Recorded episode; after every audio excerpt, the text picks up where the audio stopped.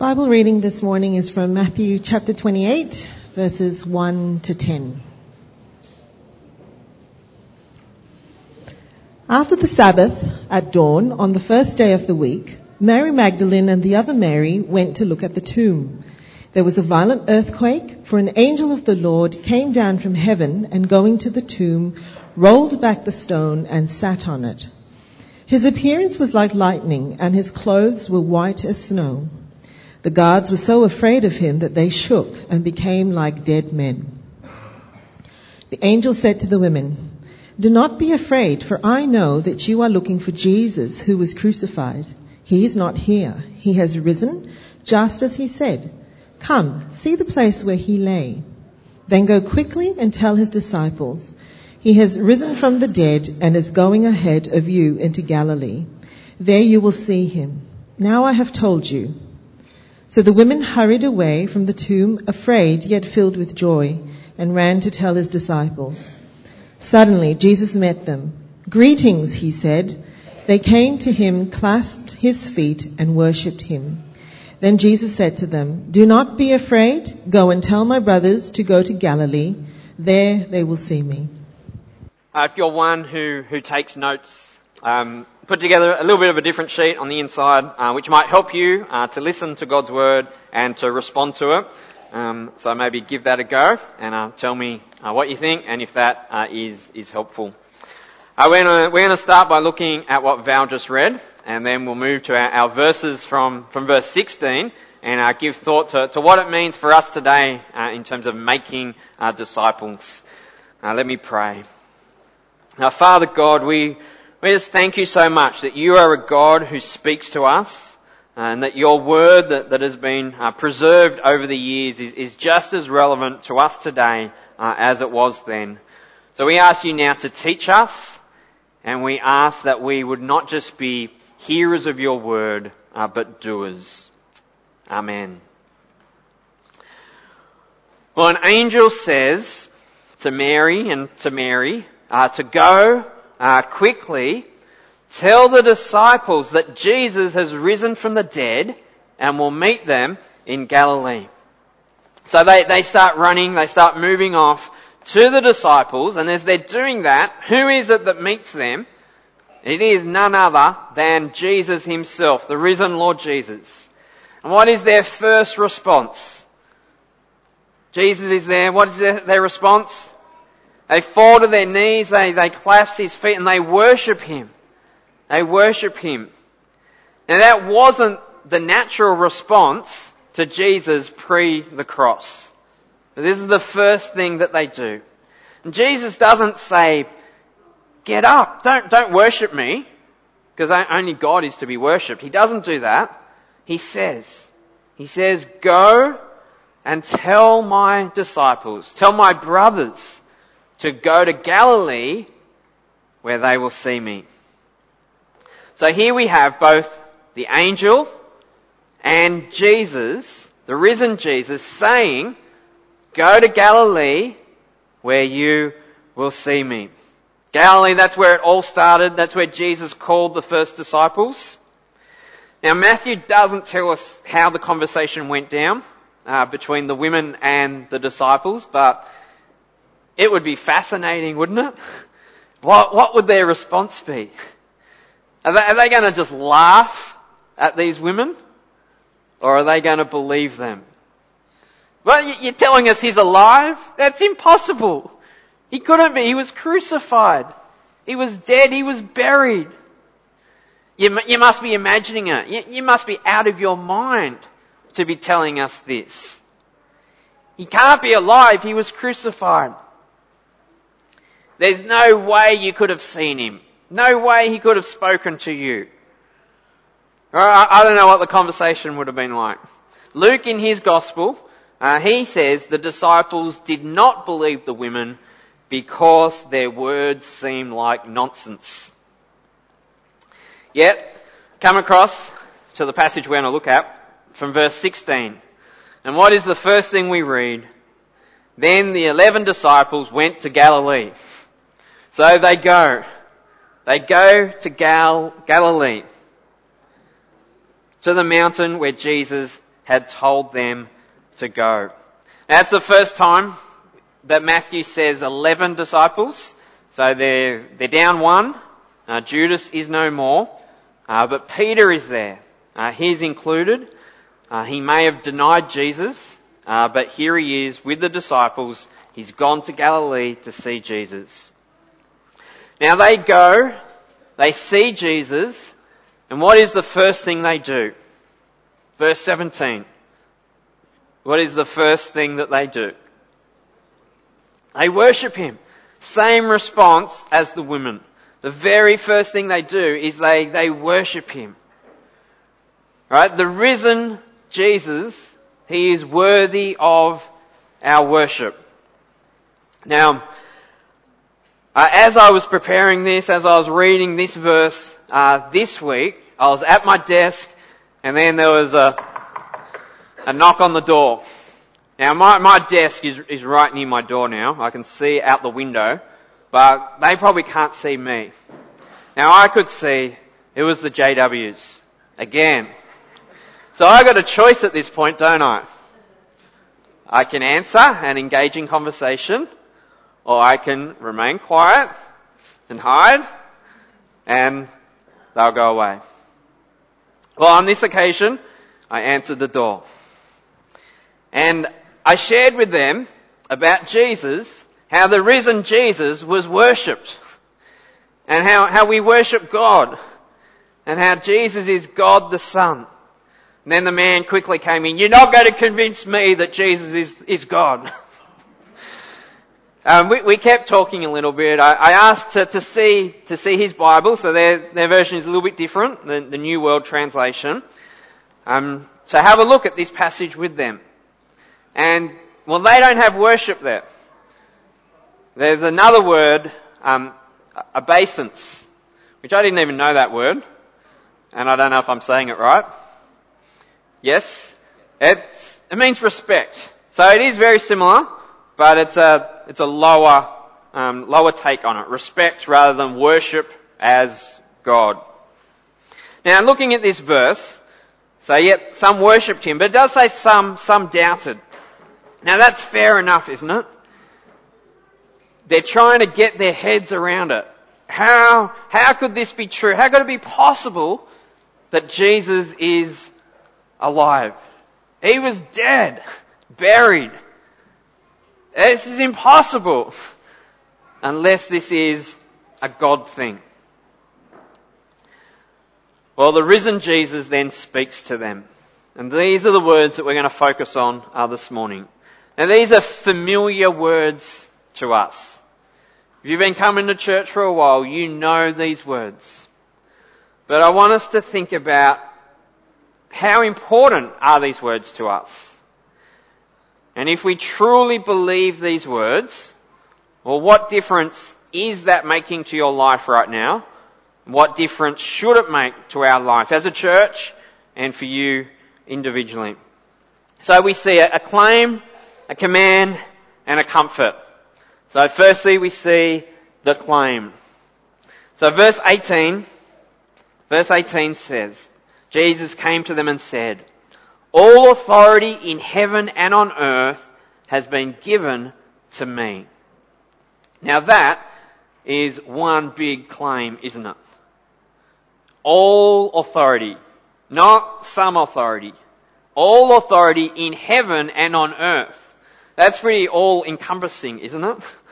All authority. Authority, power and rule, and it's all been given to Jesus. Maybe think for a moment, um, what, what power and authority do you have? I reckon we all have some power and authority. Uh, Megan, what power and authority do you have? A lot less than I used to. Why is that? Uh, plan the meals, something. Alright, so in the home, you got pa- authority over, over what you cook and eat. Alright, so Paul has authority too because he's the one shopping. Alright. Dave, what do you have authority over?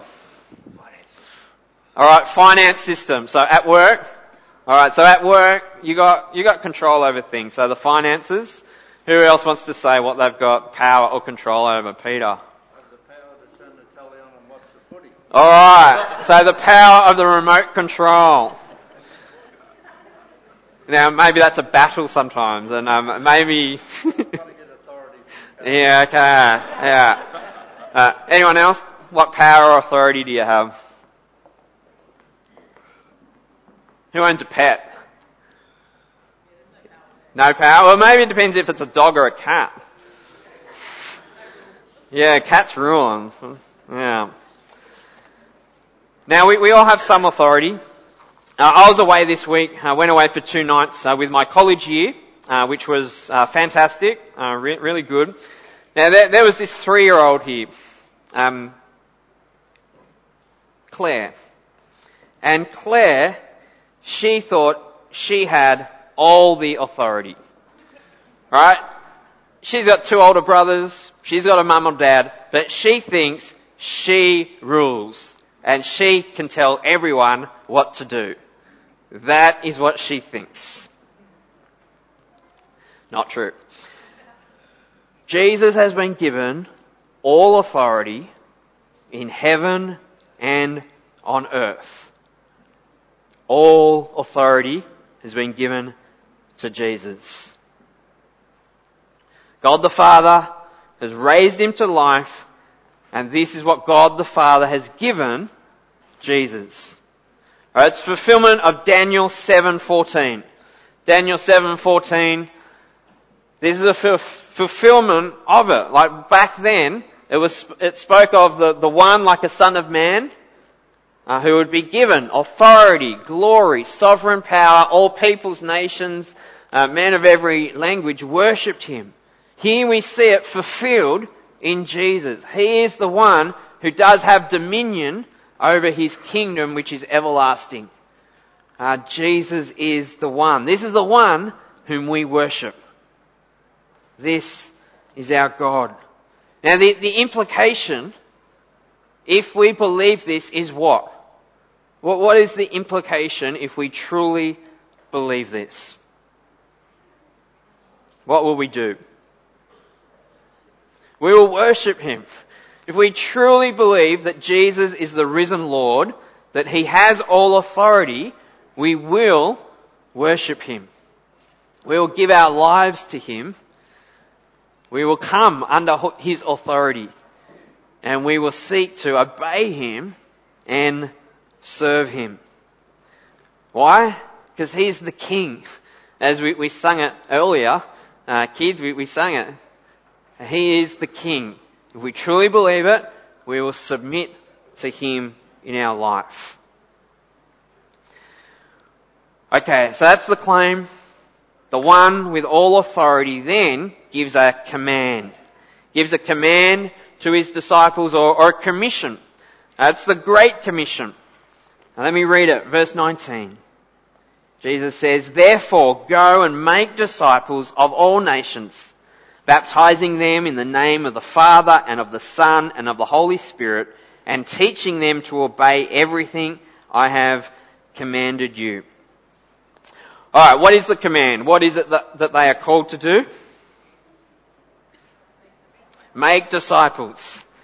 That is what they are called to do. Make disciples. Make disciples of who?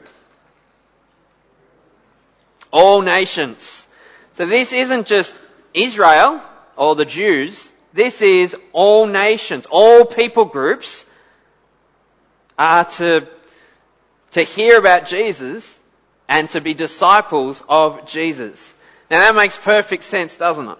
If Jesus has authority over all, all heaven, all of earth, therefore all people of the world are to come under his authority. God the Father has given it to him. And the disciples, their job is to go and get the word out. They're to make disciples of all the world. Do you question God's plan at this point? He wants these 11 disciples to go make disciples of all, all the world. These 11 disciples who have just disowned him, who have denied him, God is now going to give them the task, the responsibility to go and make disciples of, of everyone? Really? There's no Facebook, there's no Snapchat, there's no YouTube. This, this isn't just going to go viral. What? How are the disciples going to be feeling at this point? Like people of all nations. That's, that's a lot of people. There's 11 of them. Or if you add in the other disciples, maybe there's 120 believers at this time. That's about, that's us. How are they going to be feeling? I mean, you want us to do what? Are they going to be excited? Or are they going to be daunted? Are they going to be feeling empowered? Or overwhelmed? Full of belief or fear? Now, now we know that, that we're part of this as well. And we, we talk about it a lot, sharing the gospel with people. And maybe we have mixed emotions about that. Maybe we can fear that or be too overwhelmed by it all, feel a little bit daunted. How, how are we going to reach everyone who is around us? Jesus' command here to the disciples, make disciples. He wants them to call people, call other people to recognize that Jesus is Lord. He wants more people, people of all nations, to acknowledge that He is the Lord and then to live with Him as their Lord. That's making disciples. That's what they're called to do. I take it that's what we're still called to do today. And if you like, it involves three things. Uh, going, baptizing, teaching. Uh, going, uh, they'll have to go beyond Galilee. They'll have to leave the, the comfort of, of their home. Uh, Jesus says, you'll be my witnesses in Jerusalem, in all Judea, Judea and Samaria, and to the ends of the earth. Uh, baptizing. Uh, a disciple enters into relationship with God. Uh, God the Father, the Son, and the Holy Spirit.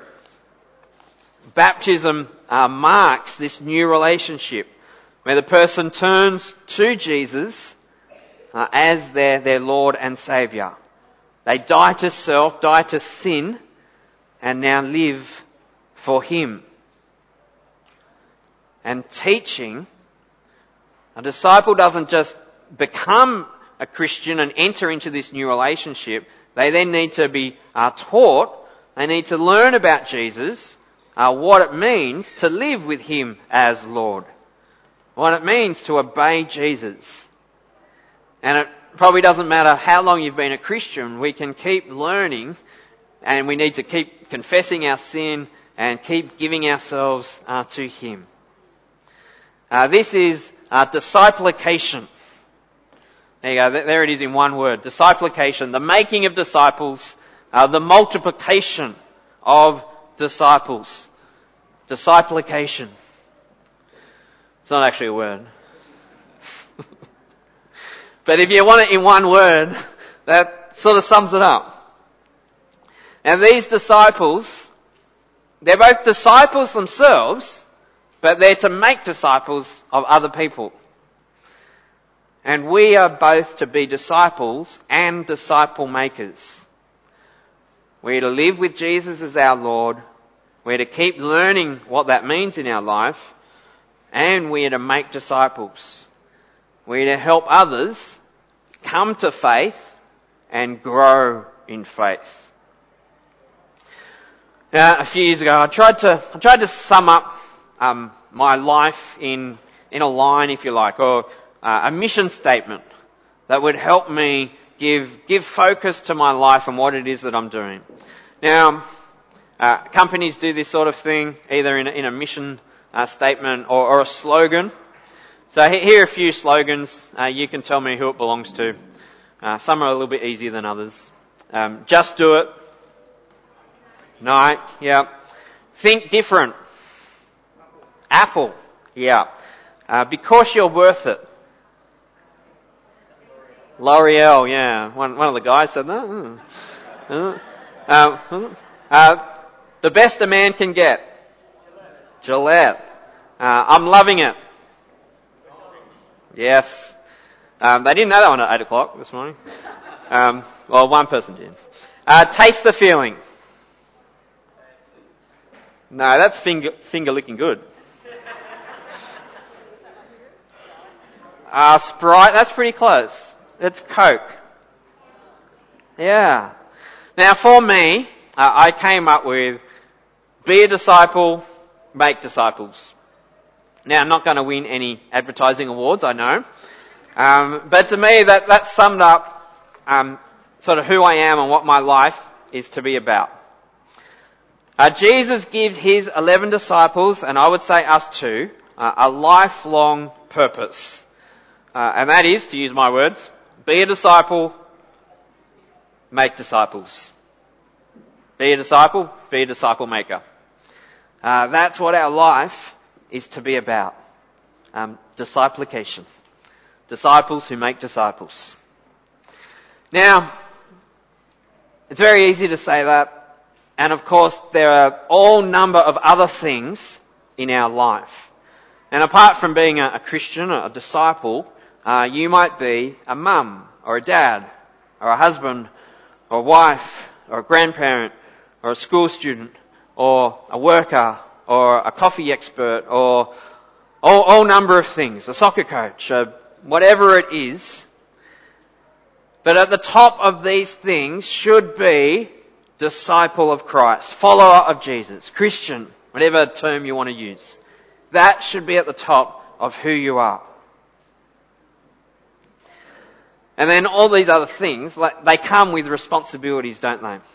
All number of things that you need to do as a mum, a dad, a husband, a wife, a, a worker, a da da da da da. All good things where you're making a contribution to your family, to your work, to society. But Jesus didn't say, go and make money. Jesus didn't say, go and make a coffee. Go and make friends. Jesus said, go and make disciples.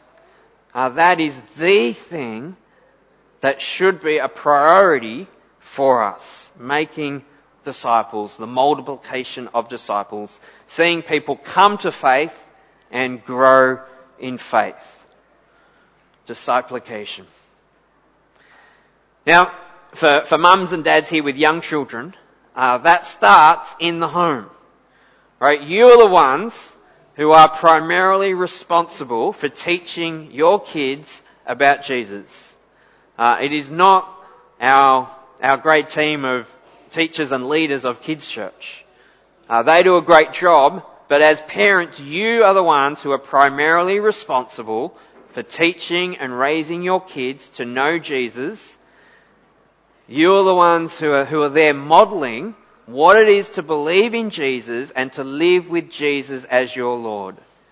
And the kids are watching you and they're learning from you. And the way that you, the way that you treat one another, the way that you speak to one another, that speaks volumes about your faith in Jesus. Uh, praying together uh, as, as a family. Uh, talking about questions of faith, uh, maybe about hot topics, um, transgender issues, same-sex marriage, whatever um, is going to be the hot topic and age appropriate uh, for the children. Um, you've got this responsibility of helping them make sense of what the Bible says and what it means as a Christian to, to think biblically about these things. Your family, where, where they can look to you and see that you are a disciple, you are, are growing in faith, you take the teachings of Jesus seriously. They look to you and they can see there is someone who has Jesus as their Lord, and this is what it means to live with Jesus as Lord. Huge responsibility. And, and I'm encouraged by the, the families here, of you guys, and, and what you are doing. Uh, so, so keep going uh, in what you are doing uh, in making disciples at home. That's where it starts. Starts in the home, but of course it extends uh, beyond the home as well. Uh, and I know many here are praying for your neighbours and are looking for opportunities to um, to get to know your neighbours and to share your life and the gospel with them uh, if you can do that. Uh, Simply Connect was something we put together late last year to help us think through this. Um, so that we can identify the people uh, God has put in our lives, so we can be praying for them and looking at ways to bless them, sharing our life and the gospel uh, with them. We've got the Christianity Explored just about to start. Uh, that is a way to help people uh, come to faith and know what it means to live with Jesus as their Lord. Uh, Carol Ann, she's being baptized next week. We'll hear uh, her story of God's work in her life. The Sunday after, we've already said we're thinking about how we can reach out cross-culturally uh, to the people who are around us. Uh, I love that, that here with, within us, uh, we got our uh, NCLS um, results out th- this week, and it tells us that a third of us were not born in this country. A third of us were born overseas. And if we, if we look at our community, that's probably even higher. Now, we want to be a church who sees people who, who have made um, this area their home, um, but, but have maybe come from elsewhere. We want them to, to know about Jesus, to know that He is Lord. He has authority over all the world. Mark and Mel Hughes, they're with us today. Uh, they're so passionate about uh, seeing the message of Jesus reach the, the unreached people groups. Right? A great thing to be doing and for us as a church to be supporting.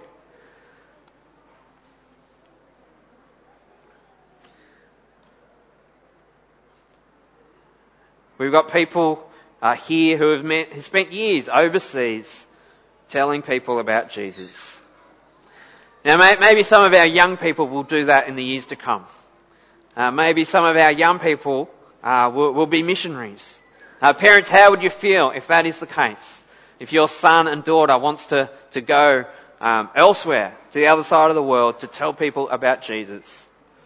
Is that something that you would encourage or not? Uh, would you be happy for your child to do that? Would you pray that your child might do that? But we don't have to go overseas because there are so many people all around us from overseas who have made their home here. So wherever we are, we are called to be a disciple and to make disciples. Now even in our life groups, a big part of our life groups is making disciples. Our, they're not Bible study groups. They're helping people to know God more and more so that we mature in faith. Now, we do that through studying the Bible, but the purpose is to make disciples so that we do obey Jesus' teaching. That, that is the point of why we get together. Uh, so do you see that when you go to your group? Do you see that as the aim? To spur other people on in their faith. Now this command, it was written, what, nearly 2,000 years ago. Now maybe we can think, this isn't for us. Uh, the work's been done. Uh, there are people of, of, all nations who have come to faith. It, has been fulfilled. We, we don't have to do it anymore. May, maybe we can think that way. But how many people around us, they don't know the gospel. And there are, just speak to, to Mark and Mel, there are so many unreached people groups still in the world who need the gospel. So this command still applies for us.